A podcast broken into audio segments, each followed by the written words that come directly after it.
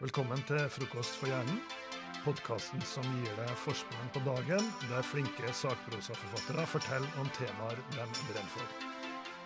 Jeg heter Jan Svensson, jeg er forlagssjef og programleder for denne podkasten.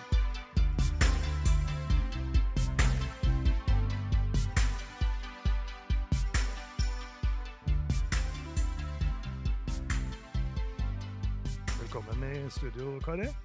Takk. Ja. Du, eh, Vi spiller inn det her ganske tidlig på morgenen eh, i studioet vårt. Og da er mitt første spørsmål har du rukket å lese noe som har stor betydning så langt eh, i dag? Nei, Om jeg har rukket å lese noe som har stor betydning, vet jeg ikke. Men altså, det jeg har rukket i dag, er det jeg gjør om morgenen når det gjelder lesing. Jeg er ikke sånn som står opp én time før for å lese bok. Det burde jeg kanskje bli. Men jeg har bladd gjennom noen aviser.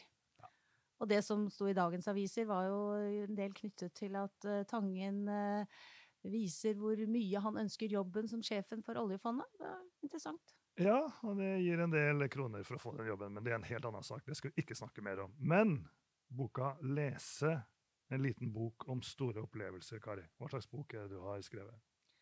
Jeg håper jeg har skrevet en bok som eh, gjør at de som leser den, får lyst til å lese enda mer.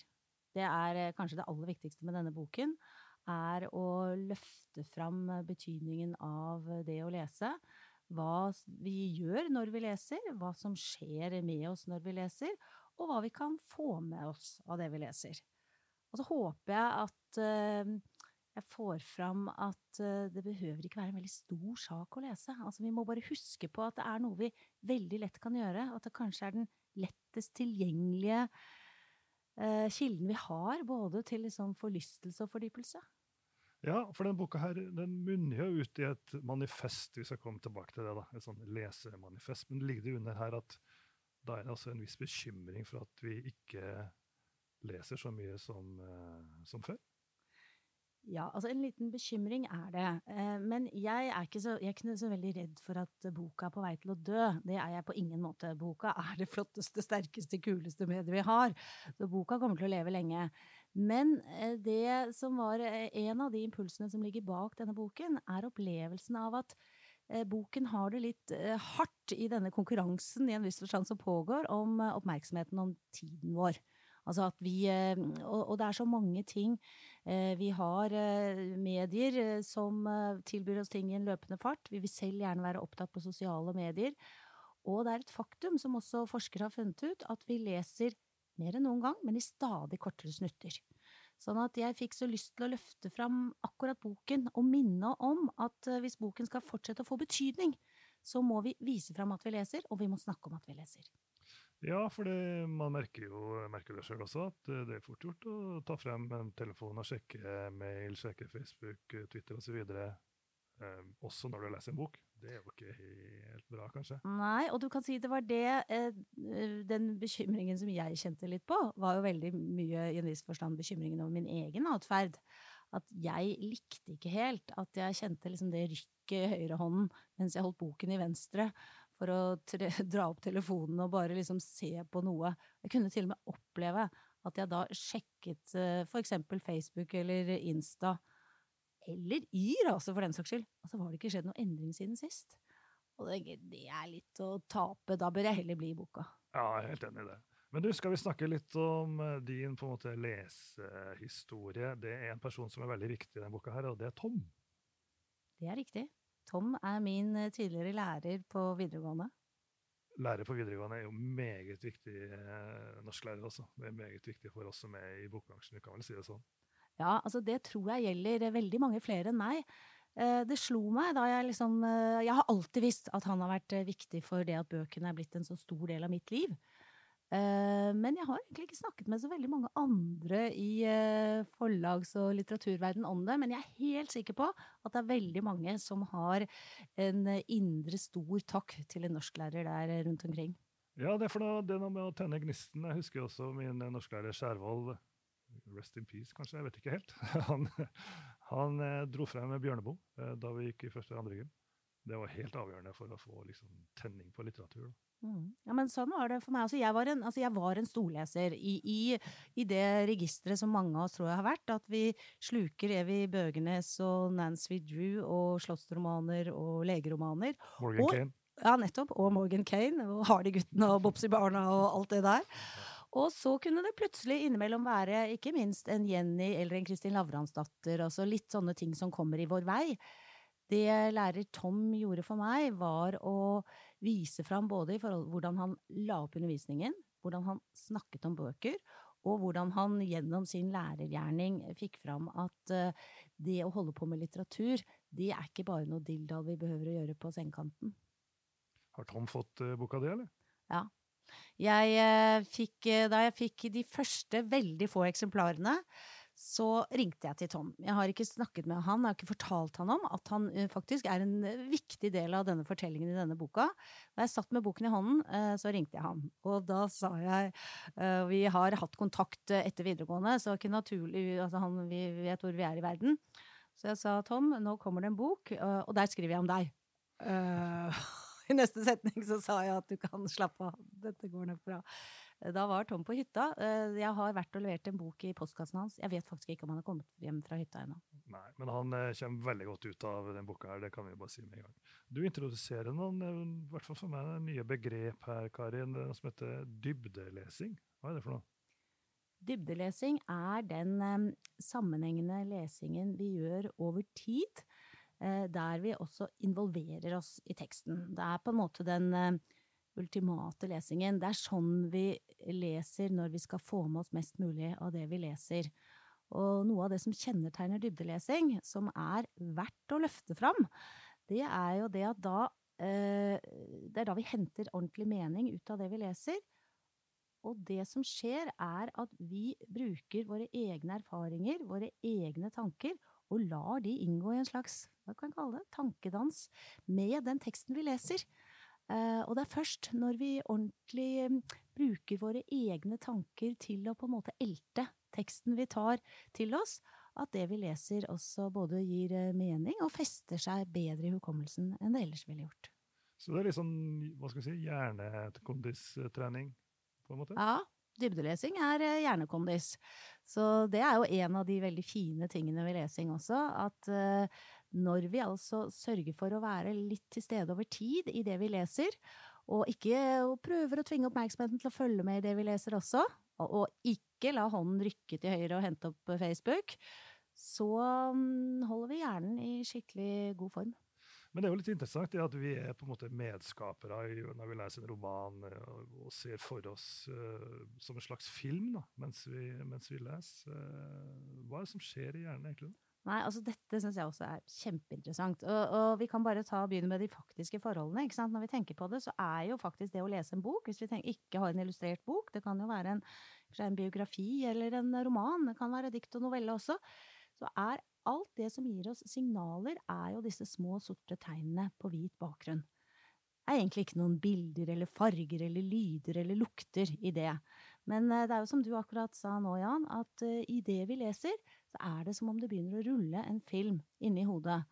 Den filmen har jo til og med den karakteren at vi kan fremkalle den, vi kan på en måte se den igjen på den indre skjermen, på baksiden av pannebrasken, etter at vi har lest boken.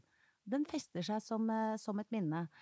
Og det som skjer, rent sånn fysiologisk, oppe i hjernen vår, som jo ikke er en muskel, men en samling nerveceller, er at når vi altså eh, konsentrerer oss, bedriver den såkalte dybdelesingen, så eh, vokser det fram eh, flere forbindelser mellom nervecellene i hjernen. De som eh, etablerer eh, kontakt med hverandre, er synapsene. Det er som små liksom, totter som står opp på denne grå massen hjernen er beskrevet som av de som har forsket på den. Det har jo ikke jeg, men jeg har lest deres tekster. Uh, og når vi setter hjernen i sving, da begynner det på en måte å vibrere rundt disse synapsene, sånn at det etableres flere forbindelser mellom dem. Og jo flere sånne forbindelser vi har aktivert uh, mellom hjernecellene våre, jo bedre funker hjernen, rett og slett. Jeg må si at uh, jeg tenkte på boka di og tenkte på deg i går for at jeg drev og leste nye boka til Jo Nesbø. Ja, den gleder jeg meg til å lese. Jeg har litt reklame for det nå, som er rett rundt hjørnet. nå. Og da tenkte jeg på det at jeg så det jo veldig tydelig for meg, der disse to brødrene bor oppe på en fjellgård et eller annet sted i Telemark. så jeg så åstedet veldig tydelig for meg. Men jeg så ikke liksom ansiktet til hovedpersonen. Uh, har du det sånn, eller ser du liksom personene veldig tydelig, eller uh, hvordan er det? Det er en god uh, beskrivelse, Jan. Altså, jeg ser jeg er jo da også knytt Altså, jeg som person er veldig glad i landskap og steder. Sånn at jeg får veldig raskt bilder av um, hvordan det ser ut rundt. Jeg kan se for meg hus. Jeg får en fornemmelse av stemning. Mm. Uh, jeg vet veldig godt om de personene som uh, finnes på min film, ofte hvilken alder de har. Altså, og dette er ting jeg mener å vite noe om, selv om det ikke er beskrevet i teksten. Det syns jeg er veldig spennende. Akkurat ansiktsuttrykk og liksom øyenfarge og si, hvordan de smiler og hvor sure de er, det er litt ulikt. Det jeg vet, er at jeg veldig sjelden ser for meg personer som jeg kjenner. Jeg ser ikke ansiktet til noen jeg kjenner. Det har nesten ikke forekommet. Jeg, kan ikke tro at, jeg husker ikke at det har forekommet i det hele tatt. Nei, vi er flinke til å lage filmer i hodet, og derfor uh, er skuffende å se en film basert på en bok vi er veldig glad i. For vi, vi, ser det annerledes enn det som det er på film. Det er nettopp det. Det stemmer ikke med originalen. Ja, ja, uh, og da får jeg bare lov å, å føye til én ting. Uh, fordi når vi tar inn over oss at uh, vi leser og altså skaper våre egne filmer i hodet, så ser vi også at i forlengelsen av det så ligger jo det faktum at enhver lesing er unik. Fordi din film Altså, nå leser du den nye boka til Jo Nesbø. Idet jeg har lest den, som snart skal skje, håper jeg, så har jeg en annen film i mitt hode. Uh, og vi kan ikke egentlig Vi kan krangle om hvem som har den beste filmen. Vi kan selvsagt krangle om uh, hva som er riktig og galt, steder hvor det fins en fasit. Men vi kan egentlig ikke si at uh, jeg har lest feil eller du har lest riktig, når vi viser til våre egne opplevelser av teksten. Nei, det er akkurat det. Du, også, du, skriver litt om eh, noe som du kaller lesehukommelse. Altså, vi leser, men så glemmer vi. Og det, det må være lov, sier du. Ja, det er eh, For å si det sånn, jeg opplever jo at jeg skriver om noe som er viktig og forhåpentligvis kan få betydning for mange, fordi det har gjort så stort inntrykk på meg selv. Det er ikke verre enn det. Og da jeg begynte å lese om sammenhengen mellom hukommelse og lesing, så steg det fram noen helt i en viss forstand åpenbare innsikter, men de hadde ikke stått så tydelig for meg før. Og da jeg innså det, så tenkte jeg at dette må jeg si fra om, dette må jeg nærmest rope høyt om, fordi det er i en viss forstand veldig befriende å bli minnet om, og at det kan sies med store bokstaver, at alle som leser, glemmer. Ingen av oss husker alt. Uh, vi kan trekke det litt tilbake til dette med at uh, du og jeg sitter med hver vår film i hodet når vi har lest en bok. Det henger jo også sammen med at vi husker forskjellige ting fra den boken. Den første kilden jeg har uh, til noen som har snakket om dette og løftet om dette, det er filosofen Michel Montaigne, som på 1500-tallet utga essaysamlinger der han også har skrevet om akkurat dette. Han har forresten et veldig flott sitat som du har med her, som, er, som følger Alt jeg søker i bøkene, er gleden over et anstendig tidsfordriv. Ja, vi skriver under på den. Ja, det, det, er veldig godt sagt. Men eh, Og så har du også mm, tips om lesehastighet. Altså mm, lese sakte, lese fort, eh, slurve litt, hoppe over. Ja, det det er jo sånn at jeg tror for mange av oss uh, som har eh, levd et liv i bøkenes verden, for å si det sånn, så er vi kanskje litt uh, vant til at vi leser tekster forskjellig. Det må vi også gjøre for å fungere i, forhold til de oppgavene vi har. Det som gikk opp for meg, og som har blitt tydelig gjennom samtaler med, med lesere som på ingen måte har det som hovedbeskjeftigelse, Eh, det er at, eh, at, de har blitt veldig forskrekket over å, å, høre meg si at eh, ja, nei, nei, men da kan jeg bare liksom fare litt fort over der, eller bla litt fort og skumme litt. Og så sier de sånn, ja, men kan du variere tempoet når du leser? Og jeg er vel litt så overrasket at jeg holdt på dette av stolen, for ja, selvsagt varierer jeg tempo når jeg leser. Så det ble også en ting som jeg syntes var viktig å løfte fram. Det at å lese er ikke bare én ting. Uh, og jeg uh, oppfatter det også som en litt sånn befriende ting, som er med på å fremheve bokas verdi og tilgjengelighet, for den kan jo håndteres på så mange måter. og det er også sånn, og her har jeg et konkret eksempel som jeg forteller om i boken, at for noen så er det jo da, hvis man blir oppmerksom på at dette er noe vi påvirker, at vi behøver ikke å lese like nøye, alt like nøye, og på en måte eh, stillelese hvert enkelt ord, som er jo i forlengelsen av sånn vi lærer å lese når vi lærer å lese på skolen. Men vi kan trene oss opp til å um, absorbere flere og flere ord i slengen, gjerne etter et visst mønster, uh, skriver noe om det, så vil vi kunne øke lesehastigheten. Og det um, tror jeg for mange kan være en fin opplevelse. Skal jo ikke lesing være en konkurranse, i hvert fall ikke med noen andre enn oss selv, men bare det faktum at vi kan variere tempo. Det er fint. Ja, og, og, det er et poeng at det skal jo ikke være arbeid her, det skal jo være til glede og berikelse og, og kunnskap. Og det får du jo godt fremme i, i boka di, Kari. Eh, dette er også en bok som er full av tips, eh, lesetips om gode bøker som du har lest, som du anbefaler. Er det noen du har lyst til å trekke frem spesielt? Det er jo et av de aller vanskeligste spørsmålene. Det skriver jeg også. Altså det å velge bare én bok, vet du, Jan, mm. det er ikke så lett. Men eh, ja, akkurat nå, her er det sånn i dag trekker jeg frem den, i morgen trekker jeg frem en annen. Men en av mine favoritter, det fremgår også av boken, en av mange, det er for eksempel 'Elskede' av Tony Morrison. Som uh, i en, i en, etter en sommer hvor uh, Black Lives Matter har uh, vært et så viktig og betydelig del av det som har preget nyhetsbildet, så kan ikke jeg la være å tenke på 'Elskede' av Tony Morrison, som for meg er den romanen, og jeg har lest flere, og jeg har sett filmer, men som bringer meg på innsiden av eh, hva det betyr å være eh, slave og ha en forhistorie som å være noen andres eiendom og ikke kunne råde over eget liv. Og smerten, ufriheten, volden, altså alt som følger av det.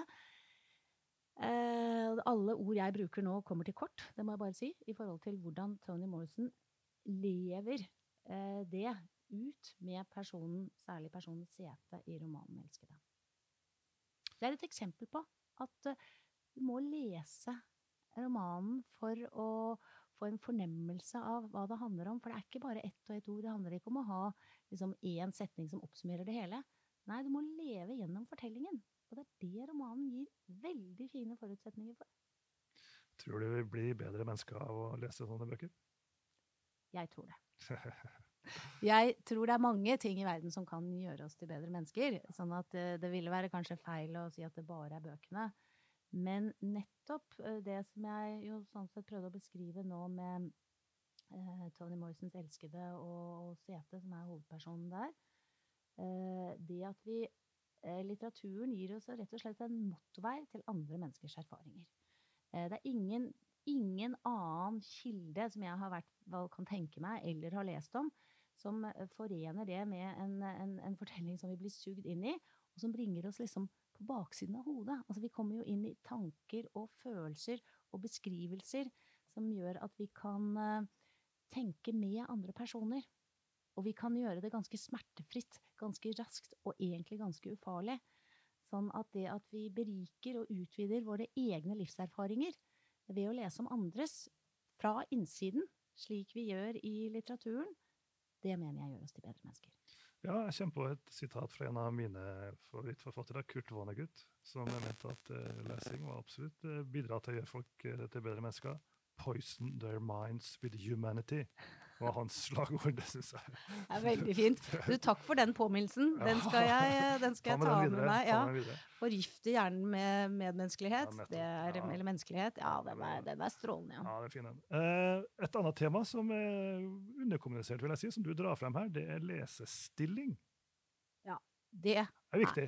veldig viktig. Ja, viktig. Og det er jeg jo helt altså det, Der har jeg bare én kilde, ja. uh, og det er romanen 'Reisende en vinternatt', tilbake til, som kom ut i 1984, mm -hmm. av Italo Calvino, av Calvino, den italienske forfatteren. Den åpner faktisk med at uh, fortellerstemmen i boken oppfordrer leseren til å sette seg godt. Uh, jeg, men, men altså, det er så lite omtalt. Jeg er selv en person som er ganske glad i komfort. Jeg skjønner ikke hvorfor jeg ikke skal sitte, eller sågar ligge godt når jeg leser. Eh, og det at leseropplevelsen blir bedre av det, det er jeg eh, helt sikker på for min del.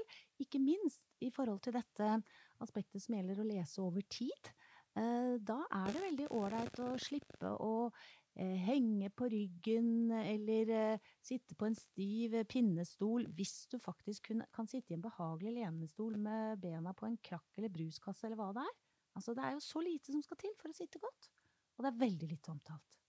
Ja, og det er en sånn lakmustest også, hvor god boka er. Hvis du da ligger som et slakt, sånn som jeg gjør på sofaen med en bok, og uten å glippe med øynene, så da er jo boka Da fenger det. Da fenger det. Og jeg ligger også, bekjenner gjerne det, Jan, ofte som et slakt på sofaen. Eller for å si det sånn, jeg begynner gjerne i sittende stilling, men med bena utover på sofaen, og så hender det jeg siger litt ned. Men der, altså, jeg vil ikke si at det nødvendigvis er en kritikk mot boka om jeg dupper lite grann. Vi kan jo se det sånn at det er bare at jeg lever meg så sterkt inn i den at jeg må tenke litt på det jeg leser. Ja, det er selvfølgelig et Og poeng, så er det ikke alltid man behøver å duppe så veldig lenge, og så er det kvikt opp igjen. Lese videre. Nettopp. Men du, du har jo vært litt ute og snakka om boka di nå eh, allerede, og så dukka det opp et spørsmål i en sammenheng. Fins det noen bivirkninger med all den lesinga her? Ja, det er et veldig morsomt spørsmål. Det var til og med en som spurte om, man kunne, om lesegalskap. Ja. Uh, kan man bli gal av å lese for mye litteratur? Ja, ja. Uh, det er jo uh, sånn veldig fristende å si nei. Jeg har eh, også lest meg opp en del på bokhistorie, som jo er tett sammenknyttet med litteraturhistorie. Og i tidligere tider, tilbake Første kilden her er vel fra 1500-tallet som jeg har, så var man alvorlig bekymret for at eh, for mye løs lesing det kunne gå galt av sted. Altså, og det var både søvnløshet og forskjellige andre problemer, og, og, og kunne utarte nærmest i galskap. Eh, Andre har sammenlignet med at det har altså en eh, bedøvende virkning som et narkotikum. Det sammenlignet med narkotiske stoffer.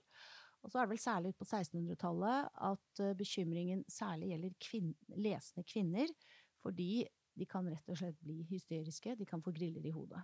Så, så historisk så er det jo ikke tvil om at lesing har vært ansett som en meget farlig aktivitet. Og da nå smiler jeg og småler når jeg forteller om dette, fordi vi eh, i, på 2020-tallet kan eh, tenke at ja, heldigvis er det ikke sånn. Og heldigvis er det ikke sånn, men altså at litteratur kan være farlig og betent og bety noe på måter som gjør at noen på død og liv vil stoppe det, det har vi jo eksempler på i vår tid også. Det har vi. Uh, vi skal begynne å runde av Kari. Men altså, vi nevnte innledningsvis at uh, det er jo et boka munner ut i et manifest. Det er jo litt flott. Ti punkt. Oppfordrer alle Ja, til å gå, gå, gjennom, de punktene. Et par av dem uh, likte jeg ekstra godt. Punkt fire, jeg leser og godtar at jeg glemmer. Det har vi snakka om. Ja, Og punkt ni, ikke minst, jeg leser og får det bedre. Ja det er fint. Ja, det, Jeg er helt for min del. Dette, altså manifestet er jo Ja. uh, Jeg sier det er jo mitt uh, lille manifest. Mm. Jeg er helt sikker på at alle punktene gjelder. Ja, ja, ja. Det gjør de. Og, og du som sagt har vært ute med boka en stund. Har du fått noe respons og noen tilbakemeldinger? Nei, Jeg har ikke fått så veldig mange tilbakemeldinger ennå. Den det er jo bare under en uke siden at vi eh, lanserte den. Jeg har fått noen tilbakemeldinger fra folk jeg kjenner som leser og koser seg. Og senest i går, hva var det jeg fikk da da? At dette er en bok som eh, bekrefter min egen lesererfaring, var det en som skrev til meg. Ja. Eh, Så jeg er veldig spent på nå i ukene og månedene fremover hva slags eh, tilbakemelding får. Ja, jeg har jo fått noen veldig hyggelige tilbakemeldinger også fra eh, noen journalister og sånn som jeg har snakket med i forkant. Det har jeg. Det må jeg ikke glemme. Det er bra, og jeg tror absolutt det er en bok som alle som er glad i bøker, har utbytte av å lese, og får noen eh, aha-opplevelser og kjenner igjen eh, en god del ting her. Og da avslutter med et sitat som brukes i forbindelse med lansering av boka. Livet ville blitt veldig fattig og ensomt uten leser. Tusen takk for eh, besøket, Kari. Takk for samtalen.